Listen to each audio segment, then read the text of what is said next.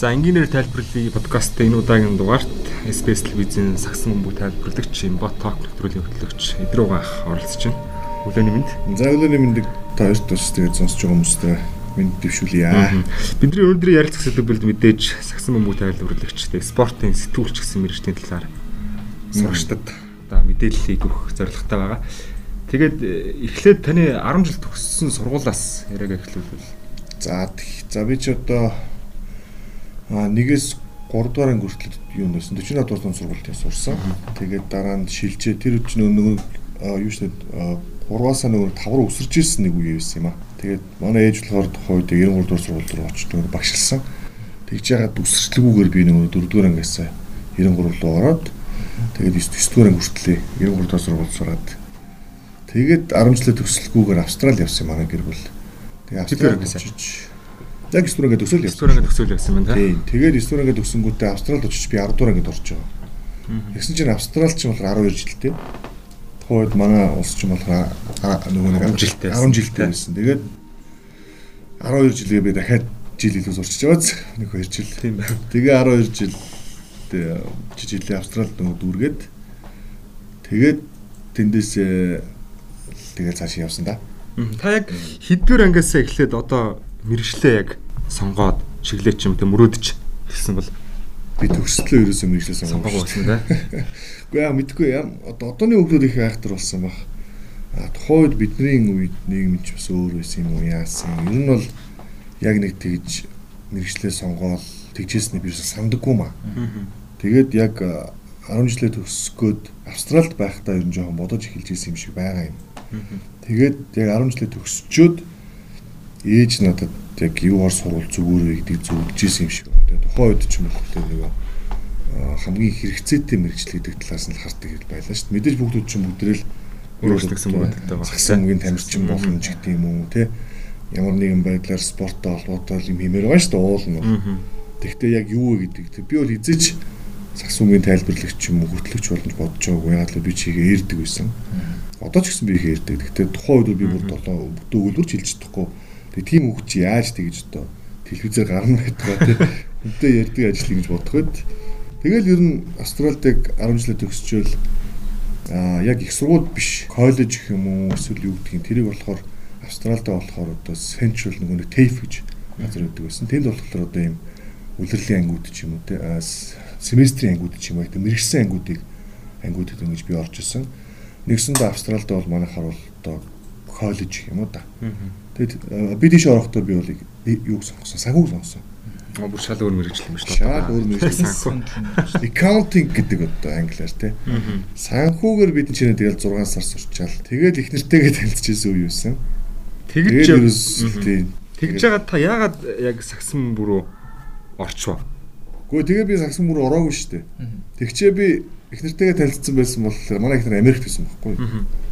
Тэгээ би ч их нэр дээр очихын тулд Австрали төлөвлөсөн бүх юм аа Америк руу сурахаар боллоо. Тэгээ Америк руу бас их санхүүгээрээ сурах гээд явж байгаа юм.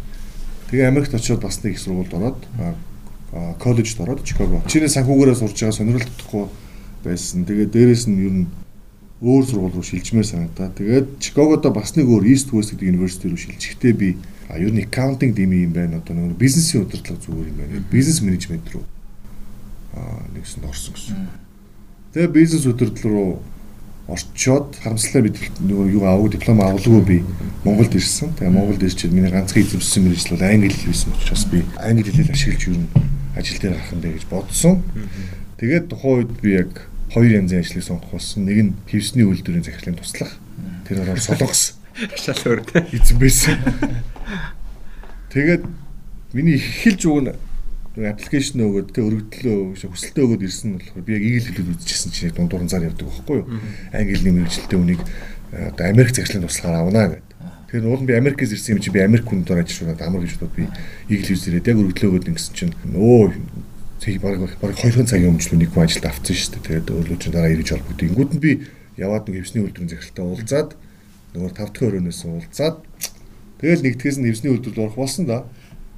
Тэгээд яг нөө бүтсэн өдөр нь маргааш нэвсний өдрийн захирлын ажил руу орчлоо. Солонгос эзэн хамгийн анхнууд аль биесийн ажил хийж дээ. Тэгсэн чинь манай ээж сонин гаргаж ирээд тэр сонингийн сонин дээр нөгөө хевсний үйлдвэр маань их асуудалд орсон нийтлэл байжсэн. Аа. Тэгээ бараг л тэ баг асуудалгүй амтны мөнгө яасан гэсэн чинь. Тэгэл чи ер нь димэн биш үү гэсэн чинь за димэн байна гээл. Тэгэл 7 хоног хүлээж ясан чинь над руу игэлүүдээс яриад өөрийн чи өмнө оронд орсон ажилд орсон юм явчлаа.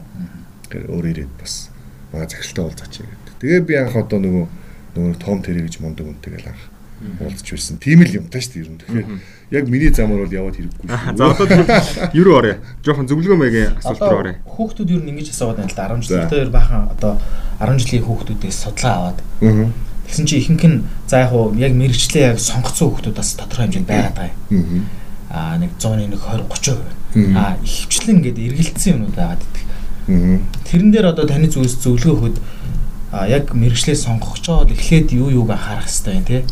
Одоо өөрийн хүсэл сонирхлоо дагах уу эсвэл юм уу ирээд одоо тухайн нөгөө нэг мэрэгчлээ мэрэгжлийнхаа одоо ирээдүг харсан дээр юм болов тий. Юу нэлөө Зөв зөв. Харж сонгосон дээр. Тийм наад чи надад аюу хэрэгтэй асуулт л да. Яг л би чи яг нөгөө нэг хоббигоор сонирхлоор ингээд ажиллаад явж байгаа болохоор миний хийж байгаа баг бүхэл ажил миний сонирхол байдаг л та. Тэгээд би бас яг 100% сонирхлоод авах гэж хэлж чаддгүй юм аа. Тэр нь бас өрөөсгөл болчих гээд байдаг юм. Ягаад гэвэл 100% сонирхлоод авч явж байгаа гэд тэн дээр фейлдүүл яах вэ тий. Тэгэхээр ямар ч гэсэн эхлэн биелжинд бол нэг ажлын байранд нөгөө зах зээлд гараад үзэх хэрэгтэй. А тэгэхээр өмнө мэдээж мэрэгчлээ сонгох ёстой. А тэгээд одоо юу гэдгийг өөрийнхөө сонирхлыг жоохон ч гэсэн авчулсан тийм одоо 10 жилдээ одоо яг яг аль хичээлд нэлээд сонирхолтой байна. Ер нь өөрийгөө нэг бие юм хийгээ явж ингэж харах юм бол за ер нь болчих шүү. Тэгээ бас миний давхар тодорхой хэмжээний нөө сонирхлын хувь нь ч жоо оролцсон ч байдаг юм уу тий. За тэгвэл эмчч гэдэг юм уу одоо багш гэдэг юм уу одоо яг нэг хүүхдүүд багаас нь шийдсэн мэтлээс байдаг шүү дээ. Цагтаа эмч гэдэг. За энэ бол бас арай өөр тий. Энэ бол бас аав ээжийнхэн нөгөө ажиллаж исэн юудад холбоотой эдний шахалт бас мэдээж орж ирдэг Тэгэхээр би бол зүгээр одоо гэдэг зах зээлд ингээ гараад инглингүүд сонирхлоо одоо жоохон оруулж ирээ. Одоо аав ээжийн шахалт гэхээс илүүтэйгээр те өөрийнхөө сонирхол дээр бас үндэслэл зүгээр ихтэй 100% бас биш. Зах зээл дээр тухайн мэрэгчлээ хүмүүс нь ямар цалинтай байдгийг судлаад үз. Одоо юу гэдэг хамгийн өндөр цалинтай мэрэгчлүүд юу байна те сүүлийн одоо энэ технологийн дэвшил чинь бүх юмыг шал өөр болгож байна шүү дээ. Одоо ютубер гэдэг мэрэгжил хүртэл баг гарцсан цааш явж шүү дээ. Тэгээ одоо би бол хүүхдтэйгээ бол гооч тэгээд ютубер болмоор бол болно гэдэг би.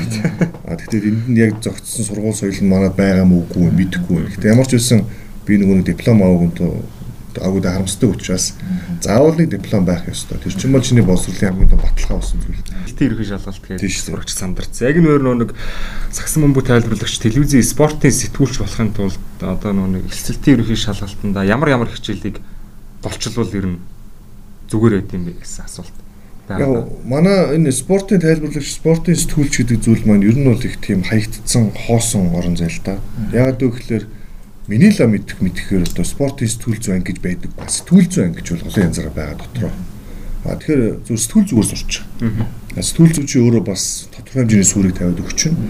А тэгээд тэрийг лавшруулад одоо юу гэдэг манай SPS төр ч юм уу очоод тий. Эсвэл одоо MNB-гийн спорт төр очоод ч юм уу а яг өөрсдөө амьдрал дээр одоо нөгөө нэг дадлагаараа спорт гэдэг юм аянтыг уйлд болчих. Тэгэхээр спорт чинь нэг сонирхол байгаад байгаа ч гэсэн сэтгүүлчээрийг сурахгүй бол энийг олжуулж чадахгүй шүү дээ. Одоо юу бичих арга барил, ярах арга барил, хүнээс асуух асуулт гэдэг чинь өөрөө өөр маш том өөр гэдэг мэрэгжлийн онцлог байгаа шүү. Яг нэг хичээл та сонголт өгүүлвэл ямар ямар хичээл өгвөл англи хэлж байд юм, нэлж байд юм. Бодлого хичээлүүд нь одоо яг тэдгээр хэрэгтэй байгаа. За англи хэл бол заавал байх шүү дээ. Мэдээж. Нэгдүгээр та. Тийм, англи хэл бол мэдээж заавал байх шүү дээ. Уран зохиол хэл үчиг одоо ялангуяа нөгөө зөв бичих талын. Дээрээс нь ургуулж бодох талын тий. Тиймэрхүү юм байвал бас зүгээр. Тэр чинь бас нэг одоо юу гэдгийг сэтгүүлчд байвал их одоо нөгөө давуу тал болдог юм шиг байлээ шүү. Уран зохиолыг санаад одоо баг сүүлийн үед баг хайцсан шахах хичээл болоо. Шүү дээ. Одоо би үгээр мэдэхгүй нэ. Одооны одоо хичээлүүд ямар ямар болсон. Уран зохиол бол нэрээ байх хэвээр хичээлүүд юм. Уран зохиол ч юм одоо одоо нөгөө одоо нөгөө дөрвмөрч бас зохиолчдөг авьяас төгтөг мөхтөд чинь яг үндэ жоо өөр өгдөг байхгүй хэлний өд ч гэсэн нэглээ тийм хэрсгий те хүнд айгүй урдан эргээд асуулт ингээд нөгөө нэг нэг хариултаас нь ургуулад 10 асуулт гаргаж ирэх боломжтой ч гэдэг юм. Тэр 10-аас дотор нь маш урдан 1 2 3-ын сонгуудаа. За би энэ хүнээс ийм хариулт авахын тулд би энэ гурван асуултыг ийм өнцгөр тавина ч гэдэг юм уу те. Би зүгээр нэг жишээл хэлээ л да. Би Остер геймер Бэтер дэвсийг сурчилсан шүү дээ. 19 18 он. Тий, үгүй одоо 2 жил. 2 жил. Тий. Тэгээ энтри дэвсийг сурчлахаар би ингээд за тэгвэл хүн NBA-с хэлж байгаа байхгүй. Чи Энтони Дэвисээс хаашаа очих байгаа тухай, багаас явах хүсэж байгаа тухай, Lakers руу явах тухай ерөөс асууж болохгүй. Тухайд Lakers руу яваагүйсэн. Тэгээд сэтгүүлчдийн бүр номер 1 хүлээж өгсөн байхгүй юу? Бүгд Энтони Дэвисээс ярьж авах хүсэж байсан. Тэгсэн тэрийг нь Монголоос очсны гачаанд авчдаг байхгүй. Тэнгүүт чи нэг гаднаас төлч нүртлгээд атаархад дараад байгаа юм чинь. Тэгсэн хятадын CCTV тавьчихсан баг хин инээс аваад гэлээ тий. Би бүр хамгийн том толж байсан авцсан. Тэгээ би сандарч байгаа байхгүй. Гү би тэгээд солилцооны талаар асууж чадахгүй тий. Цаанаа лекс руу явах гэдэг энэ бүх холио мандгийн талаар асууж чадахгүй бол би одоо юу асуух юм бэ гээд. Тэгээ бодож бодож байгааг шүнжин бодож хоноод би сэтгүүлч юм биш шүү яг үнэндээ бол юм хийсэн. Би шал өөр мэрэгчлээ даад мэдсэн тий. Тэнгүүд би ингээ аюу болын асуулт гаргаж үзэж байгаа. За ямар багийн эсрэг тоглох дуртай вэ гэж үзэж байгаа юм ямар хотод очиж тоглох дуртай вэ гэж үзэж байгаа юм. Таны хамгийн одоо хүчтэй өрсөлдөгч нь юм бэ гэж сууж үзэж байгаа юм. Ерөөсөө тэр нэг гэж хэлүүлэх гэдэг чинь цаагаараа. Ямар нэгэн байдлаар тэгтээ тэрийг тэгж хариулахгүйгээр те. Тэгсэн эдний дэвс амар айхтар. Яг тэрэнд legacy гэж нэг хариулав. Тэгээ мэржлийн тамирчид хүртэл тийм асуудлууд яаж хариулахыг мэддэг. Америкийн сэтгүүлч нь тэр хүмүүсийг тэгээ бэлдсэн байгаа. Манад бол аль хэдийн хэлсэн байгаа да. Тэгээ шүү дээ. Тэр бүр дороо шүү асуудал байхгүй шүү. Тэгэхээр юу гэдэг спортын сэтгүүл зүй ер нь ер нь ерөнхий сэтгүүл зүй бүгд иймэрхүү сал дээр ирэн жоохон ойролцоо айгүй олон талын юмуудыг бас жоохон сэргэлэн л явах хэрэгтэй мэл ер нь. Тийм байна тий. Монгол яг спортын сэтгүүлчтэй яг хідэн телевизэн зарим одоо ингээд төрөлжсөн юмуд шүү дээ. SBS SBS бол зөвхөн одоо спортоор байгаа шүү дээ. Төрөлжсөн тийм. Спортын телевизүүдтэй спортын албатай телевизүүд гэх юм бол ажлын байрны хүртээ хэмжлэхгүй хэрэг байд юм бол төсөө гарахад спортын хөтөлбөр байхгүй шүү дээ. Ер нь ховор уу те. Гэхдээ ховор биш байхгүй. Байхгүй бүр байхгүй. Спортын сэтгүүлчтэй телевиз байж байгаа. Тэрийг албан гэж хэлвэл хэцүү шүү дээ. Тэр чинь баг телевиз юм уу? Одоо сайтд нэг л сэтгүүлч л байгаа хэл та тийм. Спортоор. Хуучин бол албан байдаг байсан. Одоо манай нөгөө ТV-с байдаг байсан, 25 байдаг байсан, UBS байдаг байсан аа манай игэл байдаг байсан. Тэгээ бид нар чинь спортын албуудаараа тэмцээн урланд орохдоо хоорондоо өрсөлддөг байлаа. Хийж байгаа нэвтрүүлгээрээ бие бинийгээ хурцлдаг байлаа. Аа тэгээ дараа нь бид нэр спорт бокс гэх бүр том телевиз болоод тусдаа гарч яхад бол яг тэр үеэс ер нь спортын сэтгүүл зүй хэцүүдж эхэлсэн шүү. Тэгээ сүүлд SBS гарч ирээд одоо бол яг үндэ спорт төр бол SBS-тэй бас өрсөлдөх юу болоос хэцүү шүү. Аа одоо бас нөгөө юу байгаа MNBA одод гээд спортын суугууд бас байгаа. Тийм тий. А тэр үгтээ спортын албатай телевизүүд бол биш байхгүй. Тэр чинь өөр спортын суугууд учраас. Одоо жишээлбэл нэг хүүхэд сурлаа. За Тэгээд сагсан өмг тайлбарлагч болох мөрөөдөлтэй. Тэгээд одоо 2 3 дугаар курстэй ч юм уу дадлах боломж нь хэрэг юм бол жишээл SBS-т очоод одоо ингээд сагсан өмгийн тайлбарлая тэр тал дээр дадлах яа гэвэл бүрэн боломжтой шүү. Ямар тэн дээр бол хүлээж авдаг юм бол маш эргээр хүлээж авдаг. Одоо манай одоо хэн халалт маань одоо тийм ерөнхий продюсерийн ажлыг хийж байгаа. Уран бүтээлчлэлийг базж байгаа. Бид тэр хоёулаа игэл үзэн бүтээгдэхүүнүүд. Тэгээд манай ялт маань хүртэл одоо нөгөө анх эрэхтэй тэ иглизээр эрэхтэй одоо нөгөө зураглаж хөвлүүлэгчийн юугаар ирж ялаа дээ. Тэгэхээр иглиз маань өөрсдөө тухайн үед бас аюул олон хүмүүсийн нөгөө дадлагаар бүр авдаг. Дадлагын бүр ингээд оюутны нөгөө нэг юутай ширээтэй тий. Тэнцээ дадлага оюутууд нь суудаг юм. Тэгэхээр бид тэр одоо нөгөө шинэ нөгөө боловсруучч нь ялангуяа 10 жил төгсөж байгаа хүмүүс за дээрэс нь их сурвал дээр гараад бас ажлын дадлага эрэхтэй болсон хүмүүс бид нар тийм дадлагын бол маш их нээлттэй ажиллаж болдог. Тэгээд ирдэг юм аа Тэгээд бас юу тэн дээр жоохон хүмүүс уурайлмаар санагддаг. Ажлын цаг ер нь ямар хувь спортын сэтгүүлч юм. Бид нар ч бол одоо яг сэтгүүлчнэр энэ төр бол ихэнх хүмүүс ч ажлын 8 цаг гэж явна тий. Одоо олон улсын тэмцээнүүд ч бол заримдаа 3-аас болон цагийн зөрүү гээл тэр хэр ер нь хүндрэлтэй байт юм бол та зүгээр телевизээр очиод нэг өдөр байгаад үзэх юм бол тэн зүгээр 24 цагаад ажил юм. Өглөө БНБ тайлбарлах гоочход манай анхаа эднэр ч юм уу нөгөө хөлбөмбөгийн эд маань унтчихвд юм. Тэгэл Ерөөсөө л тийм ерөөсөө зогсоо зайгүй. Ялангуяа амралтын өдрүүд бол бүр их завгүй шүү дээ. Тэгээ одоо удахгүй олимп болох гэж байгаа. Олимп бас шууд амжуул нэг чинь телевизүүд бас амар шүү. Би бас нэлээд олимпиар ажиллаж байсан. Тэгээд бүр өстө жинхэнэ 24 цагийн ажил болох хүрдэ шүү дээ. Ер нь бол дэлхийн спорт шүү дээ чинь. Зөвхөн Монголын спорт биш байхгүй юу? Дэлхийн спортын мөч яа харахгүй нөгөө цагийн зөрүү аа нөгөө нэг мэдээллийн хурд юм чинь бүгд өөр болдог. Одоо би бол чирүүл яг Америкийн цагаар амьдардаг хүн. Америктэй одоо өглөө болгоод Монголд шөнө болж идэг. Америк шинэ мэдээлүүд нь өглөөнөөс хаваад 10 цагаас хойш гарна шүү дээ. Мэрис төвч 12 гээл мэдээлэл.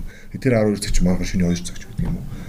Тийм учраас ер нь энэ нойр холны асуудал. Тэгэхээр нэг нийтлэг нэг ойлголттой болоод шүү. Одоо зарим сэтгүүлч нарын цаг нь ажил цаг нэг те. Тэгэхдээ цалин бага. Аа гэдэг асуудал яг явагдаад байдаг. Хүүхдүүд ч гэсэн бас мэдээ цалин мөнгөний асуудал. Одоо хүүхдүүд ч ихсүү те юм л бол мэрэгжил гэхээр цалин хэд байт юм бэл цалин хэд байт юм бэл гээл. Тий, тий, тий. Тэр бол юу мэдээж бид нар яг л нөгөө хөдөлмөрийн хуулийн дагуу специализм ажилтдаг. Хүн бол өөр нөр зэрэг байхгүй ойлгомжтой. Аа тэр хуваарлаж гаргана, зохицуулна. Аа дүүдэд амралтуудыг бүх юмудыг гаргаж байгаа учраас тэр бүх зүйл бол яг хуулийнхаа дагуу.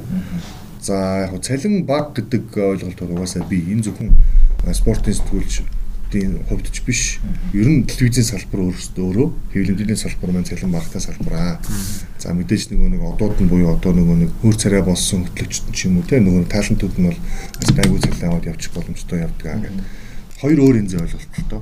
Яг бүтэн цагийн ажилтан телевиз дээр ямар байдгүй харин тэр эфирээр гардаг олонний танил болсон хүмүүс нь ямар цалин авах боломжтой гэдэг. Тэгэхээр ер нь бол а миний харж байгаагаар спортын сэтгүүлч болоод өөрсдийн контенттэй болоод өөрсдийн чинь бас нэг бизнесийн одоо нэг урсгал одоо тий бас нэг ургаа зүйл шүү дээ. Тэгээд энийг бас өөрөө цааш бүр хөгжүүлээд ингээд явах юм бол мөнгөтэй уйлдах бүрэн боломжтой.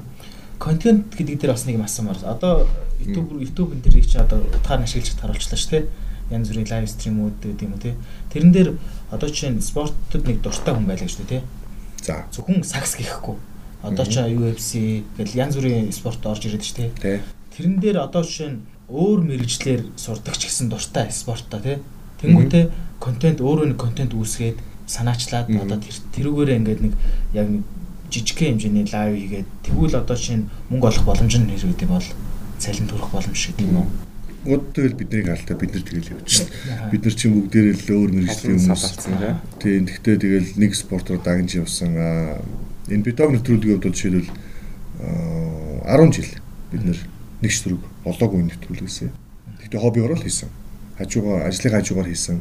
Зогсоож болохгүйгээд өөрөөсөө хоббитой болохоор дуртай болохоор хажуугаар спонсор хайж гүйдэг байсан. 11 төлөрлөөс шүү дээ. Одоо 14 төлөрлөл явж байгаа. Энэ жил юм 3 4 жилийн өмнө энэ нэвтрүүлэг маань анхны спонсортой болоод яг хуучин спонсортой байдаг байсан. Тэд нар спонсорын мөнгө төлөв зүг явна шүү дээ. Бидэд ирэхгүй байхгүй. Тэгээ би нэвтрүүлгийг өөрийнхөө одоо оюуны өмч болгоод ингээд аваад хөгжүүлээд тэгээд нөгөө үеийг бас цалинжуулаад спонсортой болоод явж байгаа гэдэг Тэгээ би яг хуу үнийн дүнг бол хэлж болохгүй бизнесийн нууц. Гэхдээ энэ биток нэвтрүүлгээр бол би нэг дугаард суугаад ямар ч газар очив. За яг одоо телевизийн би айлны газар очив сэтгүүлчийн ажил хийснээс илүү цалин би нэг дугаар суувал болдог. Тэгэхээр энэ боломжтой боломжтой юм байна. А тэгтээ би телевизийн сэтгүүлчийн цалин баг гэж хэлж байгаа юм биш шүү. Өөрөөсөө л ойлгож байна. А нөгөө контентын хөгжил маань өндөр байх нь боломжтой болчихно. Тэгэхээр энэ бол ерөөсө бүх төрлөөр альтумч ялсус нөгөө спортын сэтгүүлчийн цалин баг сэтгүүлчийн цалин багаад энэ ажил руу орохгүй байх вэ гэдгээс би айдаг байна. Үгүй байхгүй энэ бол цаагаар айгүй олон боломжуудыг гарч ирэх болно. Одоо хилэмдэл дээр явж байгаа олон одоо юу гэдэг сэтгүүлчд олон монд хүмүүс чинь бүгдээрээ л сарын 300 мянгаас ихсэн байдэн шүү дээ. Одоо би энэ бол одоо бол тийм байхгүй шүү дээ. Үгүй сарын 300 гэж. Чи одоо хөдөлмөрийн доод хэмжээ хийдیں энэ чинь бараг л миний 3 нугаж авч эхэлж шүү дээ. Тэгэхээр ерөөсөө тийм мөнгө битэг болоо. Дээрэс нь ямар нэг ажилд орохдоо бити хэдэн дөрвийн цалинтай гэж сууж байгаараа би тэрийг маш их зөвлөнө. Тэр бол ажил олох чинь шууд унтраадаг. Шууд чиний нэр чинь одоо тэр л нөгөө жагсаалт юм тий харж жагсаалт баг. Тий ер нь харлууж ярихгүй саарл руу саарл руу орно тий. А тэгээд өөр яг нэмээд баах юм уу амар амар асуугаад бол харлуу орчиж магадгүй. Одоо тэгээд манай сурагчид яг нөгөө нэг англиэс гадна хятад, Япон, Орос, Солонгос гэл давхар хэлтэй болцсон юм байлээ л дээ. Гэхдээ яг спортын сэтгүүлчийн хувьд л одоо болох нь англи хэл дээр мэдээллийг илүү судалж давуу тал байдаг уу? Тэгэхээр энэ англи хэл рүү гүнзгий судлах шаардлагатай бай та. Мэдээж тийм тэр бол ойлгомжтой. Ер нь бол англи хэл ч одоо ер нь дэлхийн 2 дугаар хэл байх хэрэгтэй болчиход шүү дээ. Яаж утсан. Аа дээрэс нь бас орос хэл их зүгээр байвал зүгээр юм шиг. Яг л манай Оросын спортын сэтгүүлчид нөгөө тайлбарлагчид их мундаг. Даанч би орос хэлээ бол ингээд жоохон дайцсан. Тэгээд Америк руу явц, Австрали руу явц учраас тэгээд би одоо зүгээр боддгийн орос хэлээ болон тухайд хаяагүй байсан болоо. Би бүр их мэдээллийг Америк талаас нэг авч гин, Орос талаас нэг авч гин. Шал өөр хоёр арга барилтай сэтгүүл зүү. Шал өөр арга барилтай хоёр өөр нийгэм. Тэнгүүд ингээд сэтгүүл зүүн хүртэл өөрөө тийм шал өөр байх боломжтой. А би зөвхөн Америк талаас байдаг ч бас би айгуу учир дутагдaltaй байдаг тий. Би илүү тийм нэг сенсац одоо sensational journalism гэж гэж байдаг тий. Яг тийм сенсацаар одоо сэтгүүл зүй хийдэг. Одоо хэтрүүлэн магтах. Анзаард бол би энэ би яг тийм сөрөг дүр юмэг амар хитрүүлж ярьдаг тий. Гэхдээ тэр чинь бас ажиглагддаг шээ. Тэр чинь миний яг тэр онцлог багхгүй юу. Яг л Америкийн сэтгүүлчид, Америкийн хөтлөгчд бүгд тэгдэг. Стивен Эйс мэдгээл тойр харж байгаа бол хаалаа гэж хоолойны өнгөөр амар сүртэй яриад ингээд хүний анхаарлыг татдаг бол тий. Оросд бол арай тийм биш тий. Илүү одоо улс суурьтай шал өөрөж гэдэг юм. Оросыг би мэдэхгүй байл л да. Би орсолоо марцсан учраас. Тэгэхээр ингээд орон орны хэл бол байвал бүр өд дээрээс нь Японыг сурч. Тэгээ Японы юу гэдэг сумог одоо яаж тэр сурулж л тээ. Спорт чинь бид мэдэхгүй шүү дээ. Хятадуудыг үзчих ямар байдгийг амаа алга шүү дээ. Тэр хэлүүдийг бүгдийг үз. Аль болох олон хэлтэй байв сайн л биш. Тэгэх юм бол цагаан жигсаалтан дээр асуудалгүй байж л.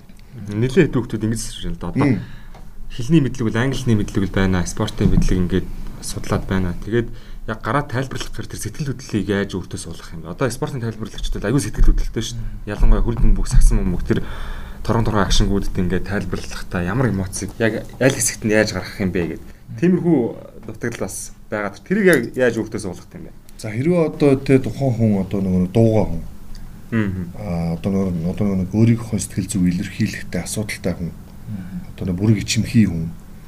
Дээрээс нь одоо юу гэдэг хүнд өөрийгөө ойлгуулахтаа муу хүн эсвэл одоо энэ тал дээр асуудалтай хүмүүс байд байхад яг эфирээр гараад одоо юу гэдэг хоолгороо ч юм уу эсвэл ингээд урдчинг улаан гэрласаад on air гэж биш гараад яг шууд гараад чамайг 1 мянган хүн үзэж байгаа гэдэг тэр бодол сэтгэл зүйч ороо сандраад эхлэх юм бол хэцүү. Гэтэ болохгүй юм гэж юусоо байхгүй. А уул нь өөрийгөө энэс өмнө нээгээд хүмүүстэй ярилцаад би яагаад багада ирдэг байсан мөртлөө би яагаад би Токио хүртэлсэн бэ гэхээр би би ярихаараа миний ярих хамаагүй багасчдаг байхгүй их сонирм. Хүн чинь мэддэг юм а ярихлаар нэг сэтгэл зүй өвчин шүү дээ. Мэддэг юм а ярихлаар ярих юм багасч байгаа. Тэгэхээр би ч одоо ингээ өөрийнхөө нөгөө сул талтаа алдцаад байна шүү дээ. Тэгсэн чинь миний нөгөө сул тал маань ингээ миний нөгөө даваа тал болоод бас ингээ айгу хурдан сэтгэдэг болоод 90 хүмүүс чи яадаг вэ гэхээр ярддаг үгээ орлуулахын тулд цаана дахиад нэг 10 үгийн запастай байдаг тэ одоо дахиж тэр үгээ орлуулах хэрэгтэй болж шүү дээ. Тэгвэл нэг үгэн дээр очиж гацаад папа папа гэдэг бол баларна үстэй тэ. Тэгэхээр бас үүдэн сул талаа ч гэсэн давуу тал болох жишээнүүд байж байна. Сэтгэл зүйн хөдөл ихтэй, мэдрэмж сайтай, хүнтэй хүн болон төвчин болж ярьж чаддаг. Ялангуяа спортоо үзэж байгаад энэ ер нь ингэх гээд байна даа гэсэн тэр үржилсэн юм ийг нэмж таах бүр тийм спортоо хоббитэй хүмүүст бол ямар судлах тайлбарлаж болох вэ? Энэ дээр нь дахиад нэг жоохон мэржлийн зүйлүүд авчиж болж байна. Тэ? Ямар үед нь хоолоогоо намсгаж өгч байгаа мэдээлэл өгөх юм. Ямар үед нь хоолоо чангарч эхлэх юм. Үгний баялаг гэдэг юм байна. Одоо ингээд чинь уран зохиолж орж ирж шин Аа тийм байна. Нэг үг хэлний сонгосон үгний баялаг чи энэ дээр чинь яг аргагүй орж ирнэ. Бидний үгний баялаг бол бүр амар муу штэ. Тэгэхээр та тэр балжаахын үгний баялаг багш хүн те дээрэс нь одоо яг тэр нөгөө нэг уран зохиол тэр нөгөө хил хүчиг манайх ч юм үнэхээр сайн үжижсэн үеийн хүн те өөрөө багш хүн гэх тэр хүнээс гарч байгаа тэр үг мөгнүүд бүр бүр амар мундаг шин. Би балжаахыг үздэггүй байсан балжаах ямар сонин яагаад? Би яагаад гэвэл нэг Америк юм багхгүй юу да нөгөө нэг барууны сэтгүүл зүүн багхгүй барууны сэтгүүл зүүнд чинь тэгж нөгөө цээжлийнхаа пангаар тэгж тэ одоо гэдэг нөгөө яах тийм юм чинь Америкнууд байдаггүй багхгүй юу? Тэгвэл балж яах чинь цоо шин хүн гарч ирээд тэр үгний баялаг. Одоо би бол зүшддэг багхгүй тэ ямар гоё ярьдгийг тэр үг нь хаанаас ч гарч ирдэг хошин мэдрэмж гэдэг бас нэг юм за байх хэвээр хошин мэдрэмж аюул чухал. Энтертеймент болох хэвээр би яагаад энэ баажи гэж хийгээд идэгин те? Яагаад баажи ялт хоёр ч бид гурч хооронд ингээ алцаад идэв яагаад амарчин бид нар оруулж ирсэн гэдэг дээр чи хошин мэдрэмж өгөхгүй цаавараа те? Хүмүүс харахад бол яг ингээд нэг? Ойлголцоо маазраад байна гэдэг хэрнээсээ цаавараа баг мэрэгжлийн дасгал болоод байна шүү дээ. Тэгэхээр бас нэг тийм алиа хошин хүмүүс байвал бас давуу талтай юм байна те? маш том давуу талтай маш том давуу талтай а юу гэдэг чимээгүй дуугаа хүмүүсийн хувьд бол сэтгэл хөдлөлийг бас яг спорт дээр гаргаж чаддаг гэдэг ер нь бол хараад байгаа. Спорт чи өөрөө та нар эмоцийг татдаг нэг амар юм байгаад тийм шүү дээ. Өөрөө хөгжим урлаг спорт гэдэг юм чи өөрөө. Тэгэхээр энэ асуудалгүй. Ямар дурлаж л ажиллах юм байна те. Оо дурлах цааш. Маш дурлахаас цааш. Би хэцүү юм хэлгүй танаас хоббиг болчихдог. Яагаад? Үгүй юу гэсэн юм. Би ч одоо NBA-ийн тоглолтыг 2006 оноос хойш би та нарын өдөр үзэж үзсэн шүү дээ. Үзэгчийн өдөр би үзэгчийн кафег тийм юм шүү дээ. Үзэгчийн кафег би авахгүй одоо 14 жил явж шүү дээ. Дандаа нөгөө тайлбарлаж байгаа болохоор нэр би үзэл за энийг нэвтрүүлэлт юуг нь ярих вэ? За ингэ за ингэ гэж миний ажил болчихж байгаа юм чинь. Өөр спортер ч гэсэн яг нэг тийж яваад хаа. Ялгаа байхгүй шүү. Би бол NBA дээр бол би NBA руу итгэх орцоочос би хөлөмгөж хэлээд би үзэж амжихгүй болцсон. NBA хөлөмгөөр зэрэг үзнэ маш хэцүү. Жинхэнэ 24 цагийн амьдрал руу. Тэгээд дээрэс нь NBA-гээс кайф авч чадахгүй бол аюул байдаг. Тэгэхээр энэ дээр амар бэлтгэлтэй байх хэрэгтэй. Тэгээд дахиад шинэ хобби байх хэрэгтэй. Тэгээд би ягаад кино ток руу орсон юм? Биш хоббиго дахиад гаргаж ирж байгаа шүү дээ. Уран санааны киногоор түл ток гэж. Тэгс нөгөөх нь дахиад ажиллуулсан. Би дахиад хоббиг алдсан. Дахиад тайлбарлаж чинь зүгээс хараад. Тэгтээ энэгээр би болоо хоббиг алдсан битээ. Мэдээж хобби ч байх байх тий. Эмэгтэй хүмүүсийн үед одоо эмэгтэй сэтгүүлч спортын сэтгүүлч болох. Тийм нэр эмэгтэй. Өө маш их байгаа шүү дээ. Ягаад бол айгуу байхгүй шүү. Миний харж байгаа респес 1 2 байна уу? Маш зөв харагдаж байна тий. Маш зөв. Тэгээд ер нь бол эмэгтэй дүр заавал байх хэрэгтэй. Эсрэг хүснүүдийг бас нөгөө татчих дүр одоо нэг чимэг болж заавал байх хэрэгтэй. Тэгээд зөвхөн чимэг байлаа гэд хөөрхөн зэрэлж суугаад гэж болохгүй. Яг сэтгэл зүйх аймаг мэддэг. Ас тэр асуултуудаа маш оновчтой асуучдаг байдаг хэрэгтэй. Одоо нөгөө бол эмэгтэй сэтгүүлж ирээд ярьслага авах. Нэг одоо одоо нэг аливаа тамирчнаас тийм эрэгтэй тамирчнаас эрэгтэй сэтгүүлж ирээд ярьслага авах хоёр амар их ялгаа байдаг эмэгтэй хүн ялангуяа тэ одоо юу гэдэг хөөрхөн царайлаг сэтгүүлчүүд ингээд ингээд өөдөө чи ярьслага авах юм бол нөгөө ярьслага өгч өгч шат нээлттэй байна. Үгүй нэр юу ч чамаа бэлэн хүүсийн тийм. А нэг эрэгтэй харам ирээд ярьчих юм бол яг харахгүй доо тий. За засвартанд хариулаа явчихё гэдэг чинь яг нэг тийм заавал байдаг байхгүй. Тэнгүүд орны сэтгүүлчээр эмгтээс сэтгүүлч бас илүү байгаад идэг байхгүй тий. Эмгтээчүүдээ явуулдаг. Одоо нөгөө талбай дээр чинь юу байгаа сте? Эмбэг талбай дээр чинь Кристен Ледло байгаа сте тий. Тэгэл би анх Ледло гэж инсайдер стафаар хараад зүгээр л хоол гэж хэлсэн шүү. Тэр чинь бас нэг одоо хоо сайхан гэдэг юм чинь бас энэ спорт руу орж ирж холдож штэ. Тэгэхгүй одоо эрэгтэй эмэгтэй хоорондоо сакс тоглохгүйгээс хойш тийм үстэй. Тэр заавал нэг эмэгтэй дүр байх хэрэгтэй болж юм. Тэр дүрээс төлж бол хамгийн их байх боломжтой. Тэгвэл юу л нээлттэй юм байна те. Хэрвээ үнэхээр э, чадвар нь байгаа, мэдлэг нь байгаа эмэгтэй сакс мөмбөг тайлбарлагч танад дээр очивол тантай жишээлбэл хамт суугаа тайлбарлаж болох юм байна те. Хүй тэгж үзмээр юм. Хамгийн сонирхолтой юм чинь тэр биш үү. Одоо саяхан гэхдээ заа юу. Америкийн нэгдсэн улсад саяханаас одоо нэг Doris Burke гэдэг эмэгтэй сэтгүүлч маань анхны бүтэн цагийн бүтэн тоглолт тайлбарладаг хэмжээний одоо мэрэгжлийн аналист боллоо шүү дээ. Тэрний араас Бруклинний одоо өөрсдийн телевизийн бас нэг эмэгтэй бас бүтэн цагийн аналист боллоо. Миний мэдж байгаар яг одоо Америкт хоёр хүн байна. Тэгэхээр бас энэ чинь амар хэцүү юм байна шүү дээ. Америкийн сэтгүүл зүй яаж өгдсөн, манайх яаж өгдсөн. Тэгэхээр манад бол боломж бүр илүү байгаа. Тэгэхээр эмэгтэй саксоон тайлбарч хөлөмөг тайлбарлагч нь хөлөмөг таад эмтэй хүнд сонсч байсан уу? Бид нар одоо баг хүлээж яаж хүлээж авах мэдэхгүй л одоо ингээд төсөөлөх юм байгаа шүү дээ. Эмбед бол тэр хэнийг сонсч байсан те нөгөө миний сайн хэлсэн одоо ялангуяа ихний үнийг бол те сонсч байсан баг. Тэгэхээр эн чинь айгүй хэцүү юм. А гэтээ тэрний төлөө түлд амбицлаад явал та. Монголын анхны мэрэгжлийн эмэгтэй аналист гэдэг. Поо яа. Тэр бүр амар асар тийм юу шүү дээ. Юу тэр чин тэр цахилгаасаа илүү юу миний мөнгө хэд нугаж олгож байгаа юм бэ сардаа. Тэгээд юу байл одоо нэг спортын сэтгүүлчээр дагнаад гадагшаа тийм ажил гадагшаа ер нь ажлын байр нь хэр байд юм бэ? Одоо би бол манай их нөхдөд одоо гадаад байдаг. Аа тэр хөл өрөөс бол би одоо 1 жил 2 сар ингээд их нөхдөдөө соол байж байна. Очиж очихгүй чаддаг. Тэгээ Шинэ Зеландыг би судалж үзсэн. Тэгээ одоо Шинэ Зеланд очихдоо би бас тэнцээ байхдаа би бас спортын сэтгүүлчээр ажиллавал яадаг юм бол энэ. Тэгээд энэ маань бас өөрчлөгдсөн. Одоо би ер нь спортын сэтгүүлч аналист ч гэдэг юм уу, тайлбарлагч ч гэдэг юм уу. Энэ дээр би бол яг одоохондоо бол жоохон юу болцсон. Ханцан гэх юм чи хайшин хамгийн сайндаа хүрээгүй л байна л да. Би бол дээр хэлжсэн би нөгөө хөгшөрт тусан спортын тайлбарлагч бүр гоё болдог. Үгийн сонголт, амьдралын туршлага бүх юмуд нь гоё болдог. Мэдлэг нь бүр их хэсдэг. Тэгэхээр би бол нэг 10 жилийн дараа болстой жинхэнэ хамгийн гаган дээр байна л да. Гэхдээ миний өөрөө хувийн нөгөө нэг сонирхол маань спортын нөгөө менежмент рүү ороод эхэлсэн. Спортс менежмент гэдэг айгуу том юм. Манай Монголын бүх спортын салбарт, бүх спортын холбоотуудад, бүх спортын тэмцээнүүдэд те аюух дутагдчих. Тэгээд юун төлөө би сүүлийн 10 хэдэн жил янз бүрийн спортын тэмцээн уралдаан зохион байгуулж алдаж онож үзэж явсан. Ямар яагаад би спортын юу салбарт ингэж олон жил ажилласан.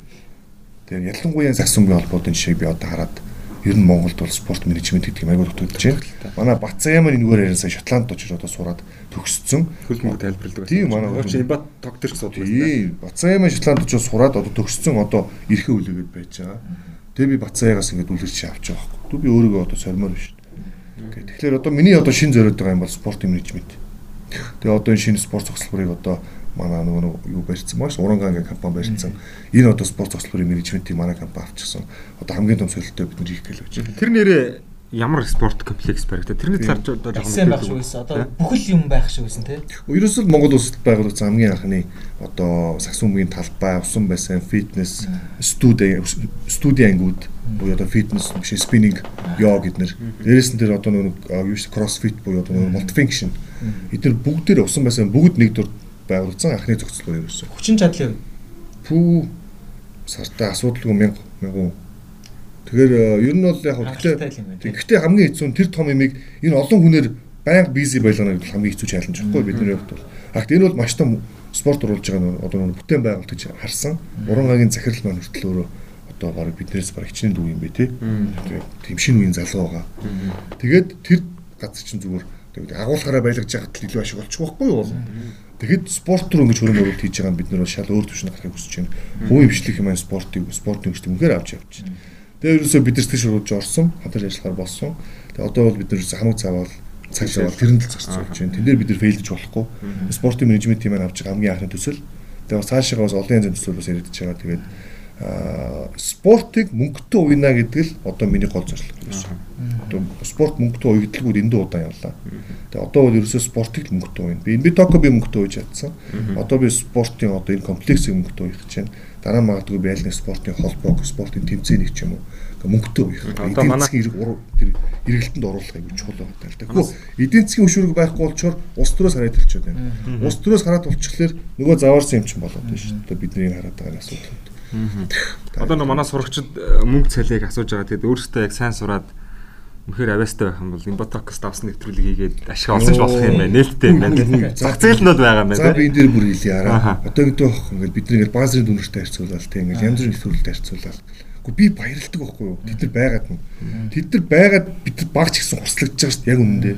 Яг одоо өнөөдрийн байдлаар баазрын дүнэр одоо биднээс хамаагүй илүү мэдүүл мэдээлэлтэй мэдлэгтэй.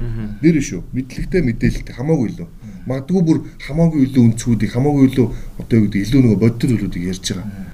Гэхдээ хүмүүс яагаад биднийг хүлээж авсаар байгаа вэ гэхээр бид нар та нарын зүрх сэтгэл эхлээд орцсон байна. Бид нөгөө анхны яриа мартаж чаддгүй адилхан байхгүй. Тэгэхээр шинэ хүмүүс гарч ирээд те бидний анхны яриг мартагдтал шинэ хайр гарч ирээд зүр байлдан дагуулаа бидний боцогсны нэвтрүүлэг хийлдэ. Гэхдээ тэгвэл би хөгжмөр биш дахиад. Би сүүлийн нэвтрүүлэл дээр яалаа дов дуус уусан шүү дээ. Ямар ч мэдээлэл дуус уусан шүү дээ. Зүгээр гөлөөгөөс уусан шүү дээ. Миний зүг би ганцхан юмсэн зүгээр маазарсан. Би маазарч л болчихж байгаа. За магадгүй нэг сурагч нэг өөртөө пэйж нээгээд тэрүүрээ блог хийгээд спортын блог хийгээд явах нь бол нэлттэй л байгаа юм байна тий. Зах зээл нь нэлттэй цааш. Яг хөө дэдэрж би өөрсдөө бэлэн гэсэн үг шүү. Айцтай л байдаг юм байл л да. Одоо Inbotox дээр амар том хэвтрүүлээ шүү дээ. Тэгээ тэрийг хараад би өнөөдөр ингээд одоо нэг 2 3 тоглож байгаа талаар Твиттерээс гарсан мэдээллийг ингээд бусад сайтуудтай холбоод ингээд гаргачвал тэнийг харагдах юм болоо бидний яаж үгүй. яг тийм айцсэл байгаа ах шиг нэг залуу над руу ярьсан. Одоо өөрөө нөгөө нэг шүжигчин чөлөө те юу сүйс сурдаг чөлөө. Өөрөө бас ингээд влог одоо хийх гэж байгаа юм тэгээ влог хийх гэж байгаа одоо болохоор өөрийнхөө хуудсыг хөгжүүлж байгаа байхгүй тэр залуу нэг жоохон хатараад эдрээ та миний хуудас руу ороод хартаа гэдэг би нэг жоохон өөр байдлаас гэж тэр хуудсан дээр ирсэн манай энэ биток нэвтрүүл дээр тухайд одоо тухайн толоо бид төгөр юм ярьж байгаа шүү дээ. Биднийг ерөөсөө нөгөө буруу шаарсан нүдэд анаа бичдэг. Ялтах энэ дэр ингээ удлаа явцсан да. Гэтэ зүгээр нэг тийм юм нөхөрсөг биш. Бас овоо. Чанга өгнөд ороод те. Энд чинь худлаа штэ тэгж штэ. Бити ингэж худлаа байл та гээл те. Гэтэ хатта уцаар ихлээд ирэхгүй шүү дээ. Тэр хаа би дүүнийг ийм байдлаас нэг шинхэнээр ихлүүлж байгаа юм аа. Тэг жоохон өөр байг. Надад амар таалагдсан шүү. Гү чи хамаагүй хоёлоос суугаа мэтгэлцээ. Тийм. Гү нэрээ үзье. Би чамаа барахгүй ч магадгүй бичээ мчгээ мэдээлүүд нь амар сайн судалгаатай байгаа байхгүй юу? Би барахгүй ч магадгүй тэгэхээр үзье хоёлоо. Ингэр чи нөгөө гол өрслөөнөөс чи тэр тэр хүүхд хүртэл ингээ гараад ирэх боломжтой байхгүй юу? Би би токкоос илүү нэвтрүүлэг байх бүрэн боломж байгаа ш. Би зөндөө сонсдог гадуур хүмүүс төслөөрөө л явж байна. Өө энэ битокоос илүү нэвтрүүлэг ингээл зөндөө олон залууч нийлэл явж байгаа. Ийм төслөө тийм төсөлж байна. Сүүлдүр л сонсогдсон. Үгүй тэр залууч гараад ирээ. Би бүр дуртайгаар хүлээж аван тэр чаленжийг. Манай баазын залуучууд угаасаа мундаг болно. Тэр бол цаг хугацааны асуудал. Одоо бол та тэрийг хүлээж авч чадахгүй дээрээ байгаа байхгүй. А энэ хүмүүс бүгд чи хүлээж авах хүмүүс бэлтгэж байгаа юм. Яг та нар эхлээд биднийг үзсэн. Одоо л эхлээ баазын үзүүдэд байгаа. Тий, одоо байгаа тий. Тий. Одоо би өнөөдөр одоо нэг яг 12 дугаар нэг сурагцсан. За ингээл яг мөрөөдлөө олцсон. Би ингээл SBS-ээр гарч байгаа сагсан мөнгө тайлбарлагч ах нар шиг болно. Гэхдээ надад одоо ингээд хичээлээс гадуур сул цаг зөндөө байгаа. Та яг энэ сул цагтаа нэг гурван зүйлийг их сургуульд ортлоо ингээд ороод цаашаа явдлаа төгсөн төслөө хөвшүүлвэл яг ямар уран зүйлийг өөртөө хөвшүүлгэж захихвал тэр чи англи хэлж ярив. За англи хэлбэл ингээд дундаж одоо нийтээрээ л дундаж байгаа тийм. За нэгдүгээрт бол би яг такснак гэж бодъё тийм үү? Тийм сакс. За сакс гэж бодъё. Тэгэх юм бол хамгийн нэгдүгээрт өөрийнхөө орон зайг бий бол өөрийнхөө орон зай гэдэг чинь чиний өвөрөл 10 найз чинь байдаг бол тэр 10 найзаа зөрүүлсэн Facebook хуудас нэч тэр Facebook хуудас чинь 1000 лайктай байна уу 20000 лайктай эсвэл тэр нөгөө 10 чи 10 лайктай байна уу хамаа байхгүй шүү. Өөрийнхөө орон зайг нэч. Одоо хүн болгон телевизэн суугч таад тэр анзаардаг. Хүн болгон фейсбુકгээ утсаа гарч яагаад лайв хийж чаддаг. Тэгвэл хүн болгон телевизэн суулц шүү дээ. Дэлхийн нийтээрээ би нэг бол нэлээд дээр идсэн байхгүй. Одоо лайв ч юм уу амар юм болчих. Тэгэхээр яг тэр өөрийнхөө орон зайг нэчих лайва хий, посто бич нийтлэлээ би зүг үсгийн алдаатай байсан ч хамаагүй бич. Эсвэл өөрийгөө өөрийнхөө орон зайг бий болох хамгийн чухал байна. Хэрвээ тэгчих юм бол дараа нь яг тэр салбарт очиход чи орон зайтай хүмүүс учраас тэр орон зайгаа чи аваад очино. Чи тэр төлөв шууд оруулах хөрөнгө оруулалтаа бэлэн очиж гэсэн. Аа хууц хөгжүүлж болно. Алин ч хамаагүй шүү. За нэгдүгээрт бол тэр.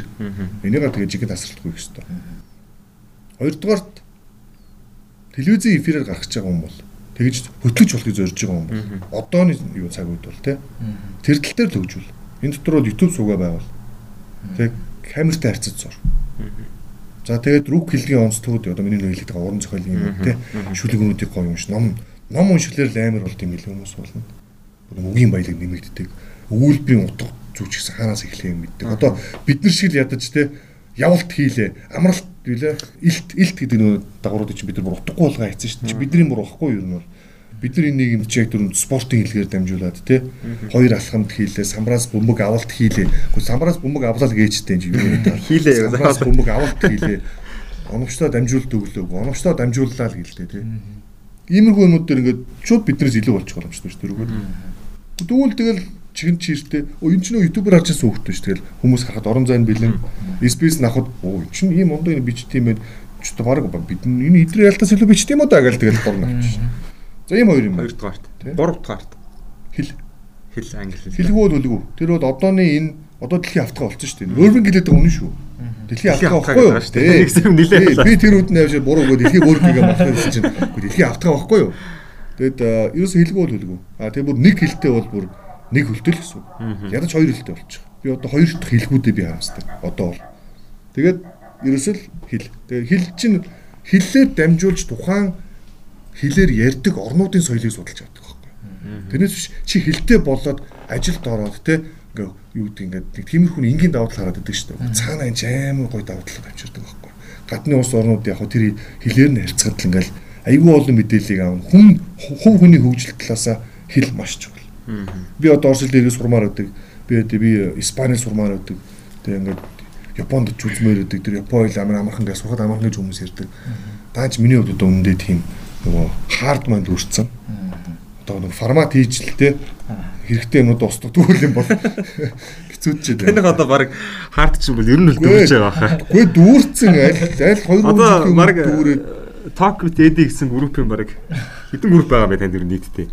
Вээ зүг шүү. Гэхдээ баг ер нь салбар бүр анх би 10-аад групп нээжсэн. Одоо тэгээд мэдэхгүй. Тэгээ одоо эдгээр нэг нэгээр л коннект болох үү. Одоо e-спортын токийг бас хийх гэж ярьж байна те. E-спорт e-спортын нөгөө хейминг ертөнц. E-спорт бол тэр ертөнцийн нэг хэсэг шүү дээ. Тэрийг бас би зөв ойлгох те. Өөр олон ток байна уу? Олон ток байна. Олон ток байгаа тийм. Одоо сексийн боловсролыг бид нар өгмөр нөхдөд нэр ингэсэн шүү. Багаас нь өгмөр. Том асуудал шаа. Өө сая клаб хаусын амар том эрг үрдэн гарч шээ. Одооны залуучууд ямар мундаг ярьдаг болцсон. Аа юу вэ? хөгжим байна. Хөгжмийн ток юм байна. Энийг бол манай баажи хийх хэрэгтэй байхгүй? Би биш. Ингээ токууд маань ерөөсөө ингээл явна уу? Бүх юмар ток. Тэгээ энэ токуудаар би өөрөө ороод байхгүй байхгүй. Хүмүүс нь явна. Би зөв продюсер ажил хийгээд ингээ сайхан та яг зөв хүмүүсийг мөрдүүлээл заа контент аваад явбал. Тэгээд надтай хамтраа токийн хүмүүс байж болно. Оюут залуучууд байж байж болох юм биш хэрвээ. Сурагч ток байж болно шүү дээ. Сайн хамаа амсын сурагч сууж байгаа л ярьж болно шүү дээ. Тийм үстэй. Нэг олон тайлыг авчирч байгаа л амын уутлал алив. Өөртөө бүгдийн сайхан нөгөө задлыг хийдэг шиг тийм. Тийм л юм зөвлөмөр. Гэхдээ яг сүүлд нь хэлэхэд бол зүгээр мэрэгжил сонголт бол маш чухал. За зөв мэрэгжлээ сонгох нь бүр чухал. Хоббигоор ажиллах нь бол хамгийн том жаргал гэдэг миний хувьд бол. Тэгэхээр хоббигийнхоо элементийг оруул. Элемент орохгүй бүр 100% хоббигаа дагаг гэвэл яадын. Үгүй дайр. Би бол дайр л гэдэг. Тэгэхээр ахти чиний хобби чи юу юм? За би машин цуглуулдаг хоббитай бол одоо машин цуглуулдгаар ажил хийх гэж бас хэцүү юм а тий. Үгүй тэр чинь бас тийм байгаа шүү дээ тий яг чиний хобби чи мөнгөтэй уйлж чадах уу? Одоо энэ бэ сонирхдаг хүмүүс, хөлбөмбөг сонирхдаг хүмүүсүүд мөнгөтэй уйлж чадхаар байна шүү дээ. Одоо манай энэ тэгээ одоо юуны жишээ энэ би токийн жишээ юм жишээ одоо. Тэгэхээр тэрийг бас нэг жоохон яах гараас болохгүй л дээ. Тэгэхээр одоо ютубер болыг бол аав эзэн хүмүүстэй бити ягараа ютубер гэдэг чи одоо юу ярьж байгаа? Бид нар цаашаа мэржлэх одоо баг амар хүмүүс сонирхож байгаа юм гэдэг. e-спортыг бол бити бисэд тоглоомын газар гэж хараарай. Ууч та тэр яг зөв тий. Дэлхийн хамгийн том NBA цаашаа Премьер лиг цаашаа спорт болсон байгаа шүү e-спорт боцсон моцсон ч айгүй өндөр болсон шүү юу ярьж байгаа тий. За юу тэгээд үдээс нөгөө нэг спорт бетинг гэвэл бити нэг мөрдөд тоглоом гэж хараарай. Уучлаарай. Энд чи өөрөө мэрэгжлийн юм болсон шүү. Нөгөө типс гэдэг мэрэгжил гараад ирсэн шүү шинээр. Тэ? Би одоо нийтлээ явж байгаа ш Монголын хөл ирэх цуушинтай болгоё гэдэг дахиад би ингээ хобби гаргаад нөгөө хобби ажуулах ингээ ингээд за ингээд өнөөдрийн энгийнээр яриа подкастын дугаартаа оролцож 10 жилийн дүүнерт маань мэдлэгээсээ хуваалцсан идрахтаа маш их баярлалаа. Өөр зорилцоосонд баярлалаа. Тэгээ би институтээс өөрөө бол ерөөс ярмаар байдаг. Тийм учраас би бас та хойшлуулах гэж би үгүй эгүй би амжуулаад ярьчихъя. Яг одоо нэг хүүхдүүд мэрэгчлээс мэрэгчлээс сонголт хийх гэж байгаа учраас. Гэх тийм учраас би хүүхдүүдтэйгээс ярилцмаар байсан. Тэгээд тийм асуудал байхгүй. Хүссэн хүн зөвлөгөө авч болно шүү. Би Facebook дээр маш нээлттэй байдаг те. Тэгээд бас зөвлөгөө авч болно. Тэгэхээр подкастаас бусдаар бас эдрийн ах руу холбогдоод тусдаа зөвлөгөө авах нээлттэй юм байна шүү. Тэгээ одоо спортоор хичээл хүүхдүүд бүгдээрээ хамгийн гол нь тэр шүү. Юуны комплексийн байрлал нь нарны оролт байлаа. Нарны оролт урд өгдөг уран ангид тугаас хүмүүс анддаг юм доо. Тэгээд хараа хүчин зүйн зүүн талд өгдөг.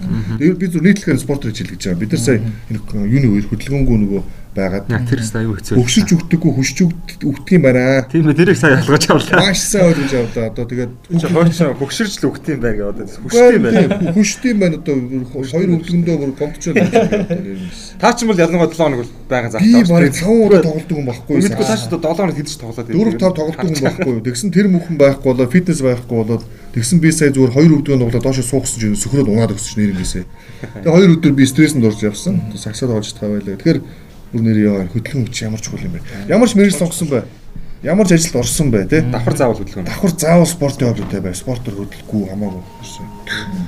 За за. Йоо баа. Өндөрлөж хөө. Тэгээ өндөрлөө бүгдээрээ. За.